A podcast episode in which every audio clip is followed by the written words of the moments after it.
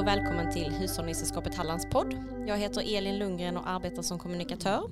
Idag ska vi prata om rekrytering och allt därtill. Eh, vi har med oss Annika Bergman som är vd här på Hushållningssällskapet Halland men också ordförande i Gröna Arbetsgivare och med intresse för rekrytering, ledarskap och personalförsörjning. Så idag fokuserar vi på de här frågorna. Välkommen hit Annika. Tack så mycket. Vi, vi går in direkt mm. på ämnet och eh, vi börjar med hur ska vi få in nya personer i yrkena inom de gröna näringarna? Men det är en sån här fråga som vi har jobbat med jättelänge i näringen och aldrig liksom riktigt lyckats. Och lyssnar man på andra näringar eller andra branscher och sådär mm. så är problemet lite samma överallt vad det gäller mer praktiska yrken och så. Det finns ju en brist överallt på massor med olika mm. segment i, i, eller yrkesroller. Då.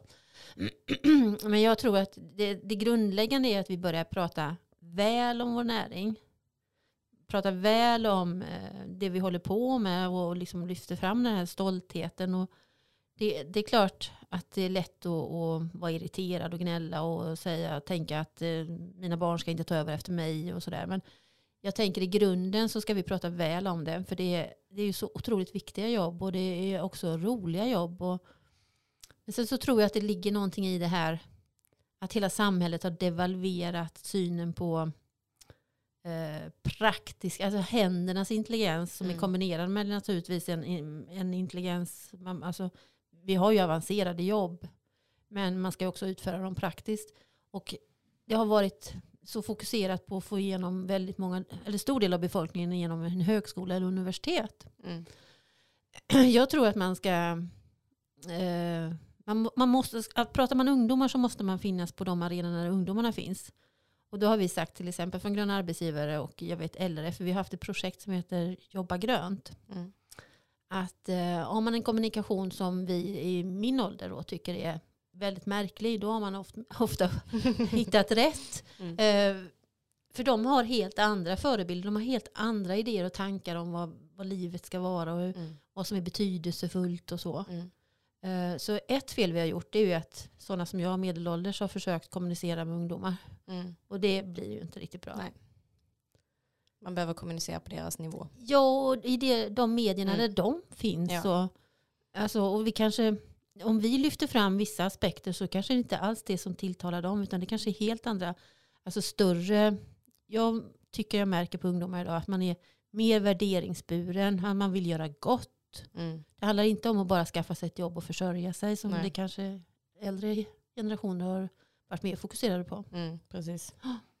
Men om, om, eh, en, om unga människor vill utbilda sig idag, vad finns det för utbildningar att välja på då inom de här? Ja, dels finns det ju de här naturbruksgymnasierna. Mm. Och det har vi ju ett här i, i Halland, Munkagårdsgymnasiet. Mm. Eh, det är ju fantastiska utbildningar och, och fina skolor. Alltså. Eh, jag har ju själv ett förflutet och gått i en lantbruksskola. Så det gymnasievalet finns ju alltid att göra. Mm. Men eh, man kan ju läsa ett vanligt gymnasium och sen eh, läsa vidare ändå på universitet. Och, ja, mm. vi har ju både Alnarp och Ultuna. Mm. Eh, och man kan nog komma in i näringen på väldigt många olika sätt. Det, det, är inte alldeles givet att man måste gå den där vanliga vägen. Eh, många jobbar ju praktiskt ett tag och, och tar en yrkesutbildning sen som ja, man kanske yrkesbyter mitt i, i, i livet och ja. så. Så det finns ju många vägar in tänker jag mm. till våra jobb. Mm. Men jag vill ändå slå ett slag för eh, Munkagårdsskolan och eh, eh, naturbruksgymnasierna. För det är väldigt fina utbildningar. Mm. mm. Ja, vi har ju flera stycken här som jobbar här som har gått. Absolut. Ja. Mm. Mm. Men om vi går över till rekryteringen då. Det kan ju vara svårt att hitta rätt, rätt personer för, rätt, för jobbet. Eh, om man behöver hjälp så har vi ju en tjänst här hos oss, Hej Rekrytering, som du mm. jobbar med. Ja. Kan du berätta lite om den, vad, vad vi erbjuder då? då erbjuder vi eh, egentligen en, eh, hela upplägget ifrån eh, att jobba fram en profil till att sätta annonser och ja, ta reda på vilka, vilka forum man ska finnas i beroende på hur tjänsten ser ut naturligtvis mm. och var den finns någonstans. Mm. Till att då sortera in alla som söker, förhoppningsvis är det många. Mm. Eh, till att sen göra intervjuer och, och kanske också ta fram en profil. Mm. Eh, eller en, eh, man, man tittar på en sån här, ja helt enkelt en sån här test så gör man för att se om den pass, personen Ja, passar precis. för jobbet. Mm, Liksom, mm. Utifrån vad, vad arbetsgivaren förväntar sig. Och skriver avtal och sådär. Så att det gör vi. Och oftast är det ju lite... Det är inte alla, alla typer av tjänster som man går in så pass djupt i eh, rekryteringsprocessen. Har man enklare tjänster som, som inte är liksom arbetsledande eller vd och sådär. Nej. Då lägger man kanske inte så mycket pengar på själva rekryteringsprocessen. Mm. Men det är, Vilken Vi- typ av tjänster är det du har jobbat med nu? Men nu har det varit mycket, det har varit vd, det har varit, eh, man tänker på de lite större lantbruksföretagen så har det varit vd, det har varit inspektorer, det har varit driftsledare, Mm. eh, det kan ha varit arbetsledare på olika sätt och sådär. Mm. Skogsinspektorer och ja, lite olika. Men vi, det finns ju någonting som heter gröna jobb. Mm. Eh, där vi samlar ja, alla branschens jobb inom, ja, lite roligt är det, för det är ju gröna arbetsgivares medlemsbas man tittar på till exempel. För golfen finns med. Och Det kan man ju undra, liksom, hur grönt är det? Djursjukvården finns med. Eh, trädgårdsanläggning, lantbruk, skog och så. Eh, men det, det, är en, det är ett bra forum för där, där finns ju en guldgruva att ösa ur om man är Mm, arbetssökande. Mm. Och det är också en bra tjänst för de som är, eh, vill annonsera för det är ju gratis. Branschen betalar ju Ja. det. Okej. Mm. Det, då kommer vi in på nästa fråga. Ja. Hur gör man för att hitta rätt personer? Det kanske är Ja, Gröna jobb sätt. är ju ett Mm. väldigt bra forum. Mm. Jag tror att vi är uppe i ja, mellan 25 och 27 000 jobb. Mm. Låg ute förra året någonstans. Okej. Jag kommer inte ihåg riktigt vad siffran blev. Mm. Eh, och det är ju många som använder sig av det. Mm. Och om man tittar på de 25-26 000 jobben så är en tredjedel inlagt eh, direkt av företagen. Man har alltså valt att inte gå till Platsbanken utan man Ja. lägger in dem direkt hos eh, Gröna jobb. Mm. Vilket gör att den statistiken är mer sann än någon annan. Mm. Eh, hur, det ser ut, hur behovet ser ut i näringen. Och, och det är väldigt viktigt ska jag säga, att vi har lite koll på vad behovet är. Mm.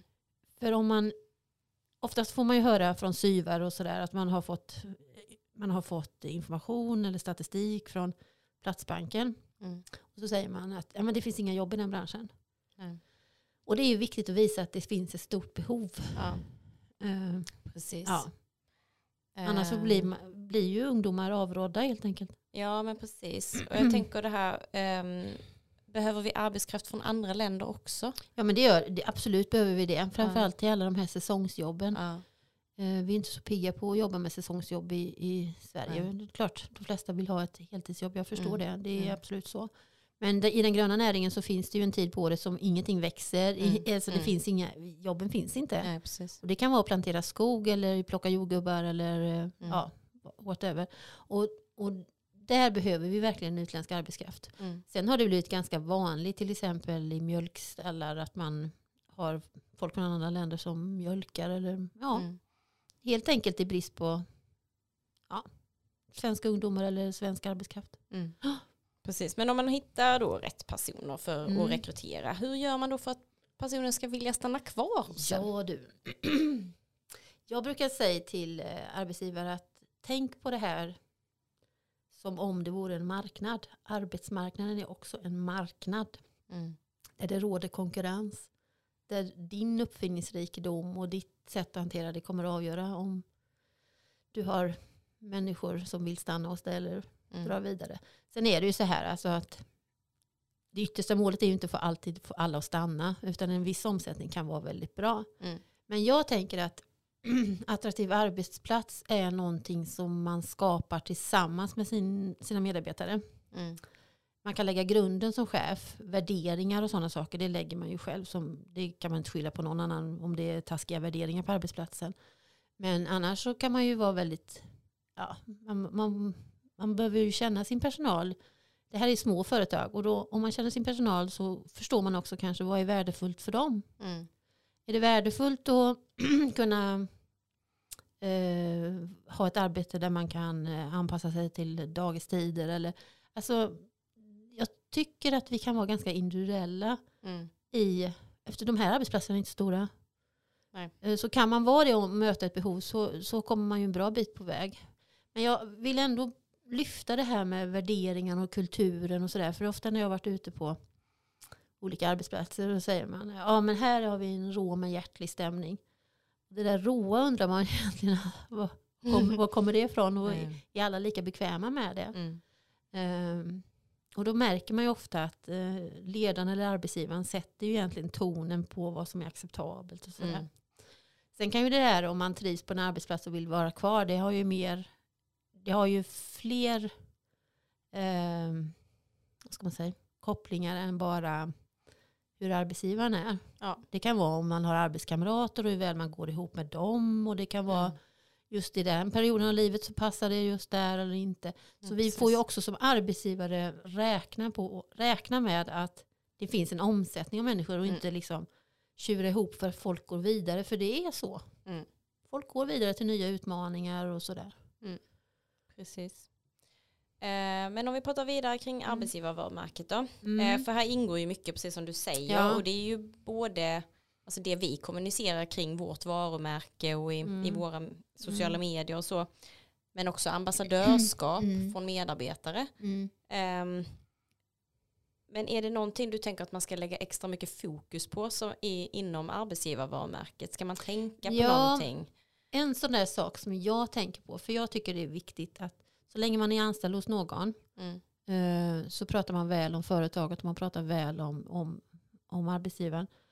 Eller så säger man ingenting alls. Eller så tar man sig därifrån om man nu Mm. verkligen vantrivs med arbetsgivaren. Mm. Eh, jag tänker så här att det är bra om man kan ge sin personal första hand tillgång till den information man kan släppa.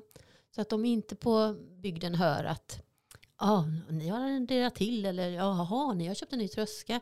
Utan att det, man jobbar med liksom lojaliteten, teamet, känslan, liksom vi hänger ihop. Och att personalen ska veta och känna att de är prioriterade. Mm. De är inte som vilken målgrupp som helst utan Nej, de är prioriterade. Ehm, det tycker jag är viktigt. Mm. För alltså få skapa den här lagkänslan, alltså det är tillsammans vi gör det. Ja men precis. Mm. Mm. Och, och det här med att vara en bra arbetsgivare då, är det något, det, det är egentligen samma sak. Eh, Mm. Men eh, är det någonting mer man ska tänka på? Är det liksom, eh, för vi har varit inne på det lite, vad, vad, vad som är viktigt för mig kan ju vara inte alls viktigt för någon annan, men Mm. så här med gåvor och Mm. luncher och Mm. lön kanske inte spelar så stor roll för någon eftersom att den har sitt drömjobb Mm. liksom. Nej men alltså Ehm. det, det märker jag ju att det är i gröna näringarna är det lite åt det där hållet. Att många är ju passionerade Ja, i det de gör. Speciellt Mm. de som jobbar med djur. Vet du. De, Ja. Ja, det, är, det är verkligen sådär, eh, ja, en stort mått av passion och Mm. ideellt tänkande. Eh, nej men, eh, ja, nu tappar jag nästan frågan. Vad, vad sa du nu? Jag menar att, eh, Ja men vad som är viktigt, vad ska man tänka på liksom? Mm. För hur prioriterar man? Vilka Jo, men- satsningar man gör Ja. internt för medarbetarna? Det där är ju det där är ju svårt och jag tror att man är inne i det längsta när man är arbetsgivare. En arbetsgivare som växer. Om man har få människor så växer man allt eftersom. Så får man ta det här eh, sura äpplet och bita i det. Att man kan inte göra alla till lags. Mm. Eh, man kommer aldrig kunna göra en uppsättning av förmåner som passar alla. Eller alla tycker det är perfekt. Och den, den delen tycker jag själv är ganska svår. För man vill ju att folk ska vara nöjda. Man vill se och bekräfta folk. Och, eh, man tycker att mediearbetarna är det viktigaste som finns egentligen i företaget. Men vid en viss storlek så, så blir det li- liksom att man får ta hänsyn först och främst till organisationen. Att organisationen som helhet ska fungera. Mm. Eh, och det kan göra lite ont som chef att man får ta beslut som några eller flera inte tycker är bra. Mm. Eh, och det där är ju det är väl någon slags definition på att man utöver ledare så ska man också vara chef. Alltså man ska ju kunna ha både chefskapet. Det var någon som sa för länge sedan till mig att ja men det gäller att ha både ramar och kramar. Mm. Och det tycker jag, det är ju så. Ja, verkligen. Mm. Men om vi då ska samla ihop oss Mm. och ge dem några konkreta tips till eh, företag som eh, funderar på nästa Mm. rekrytering och funderar över sitt arbetsgivarvarumärke. Om vi börjar med Mm. rekrytering. Mm. Vad är, har du tre tips vad man ska tänka på? Man ska göra en ordentlig profil. För det är inte säkert att man behöver en kopia på den man hade innan. Man kanske behöver någonting annat. En Ja. ordentlig profil. Eh, jag tycker man ska använda gröna jobb. Mm. för det då når man ut till väldigt många. Och jag tycker att eh, är det en, en eh, viktig position, alltså en långsiktig, viktig, ledande po- position så ska man lägga både tid och lite pengar på att faktiskt göra både in, djupintervju och en, en test alltså, så man Mm. hamnar rätt. Det är väl de tre sakerna jag tänker man kan skicka med. Mm. Mm. Och om man vill ha, om vi kan tipsa någonting kring eh, arbetsgivarvarumärke, om man ska fundera över sitt, sitt arbetsgivarvarumärke. Då tänker jag att man ska plocka de lågt hängande frukterna först. Man ska försöka se hur den egna arbetsplatsen är och försöka ha en liten fundering över hur man själv är som ledare. Mm. För det är inte, det är inte LRF eller gröna arbetsgivare i Stockholm som genom en kampanj kommer att fixa att du får, bet- får mer liksom, sökande till tjänsterna. Nej. Utan det här är verkligen en marknad och man kan jobba ganska mycket och okonventionellt med sitt eget arbetsgivarmärke om man vill det. Mm. Men det krä- kräver ju liksom lite satsning, energi och ja, tänka lite utanför boxen kanske. Ja, precis. Mm. Mm. Har du någonting du vill tillägga?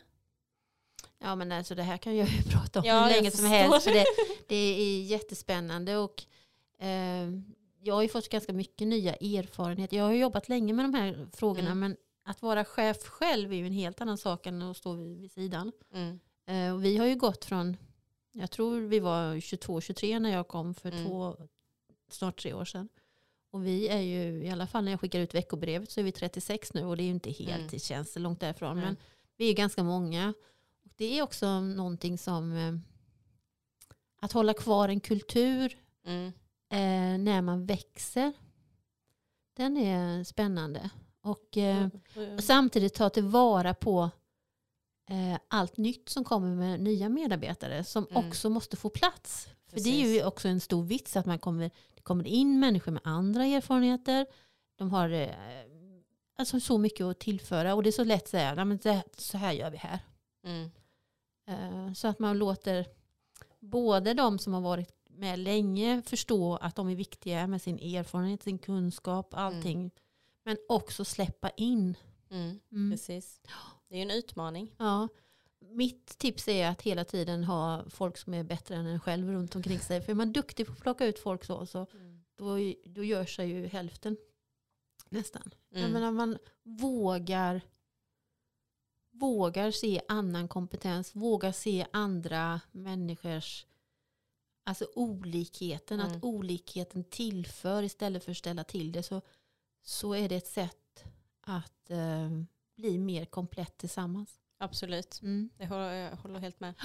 Så jag tänker det kan vi ju sluta med. Jag tänkte jag kom på en Ja. annan fråga. För Okej. att vi har ju två arbetsplatser. Vi finns ju i Falkenberg också och Ja. här på Lilla Börslid Ja. utanför Halmstad. Mm. Eh, hur hanterar man det här med kulturen och så? Eh, Mm. När man finns på två olika platser. För det blir ju lite annat. Kan ju bli ett annat klimat på olika. Mm. Eh, det är ändå två olika arbetsplatser.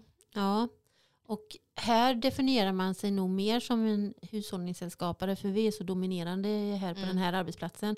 Men här har ju också funnits ett vi och dem mellan eh, försöken och, och lantbruket som har jobbat ute Mm. och, och tjänstemännen som varit här inne. Mm. Nu sitter vi på samma Mm. fikabord och sådär så Ja. nu, nu har vi en annan gemenskap. Och jag upplever att eh, de vi har, eh, de som sitter uppe på agrocenter är en anings mer också agrocentare. Att de får en kultur tillsammans med andra företag där som också är ut, utöver liksom att tillhöra säll- hushållningssällskapet så, Mm. så får man en tillhörighet till den arbetsplatsen och den kulturen som är där uppe. Mm.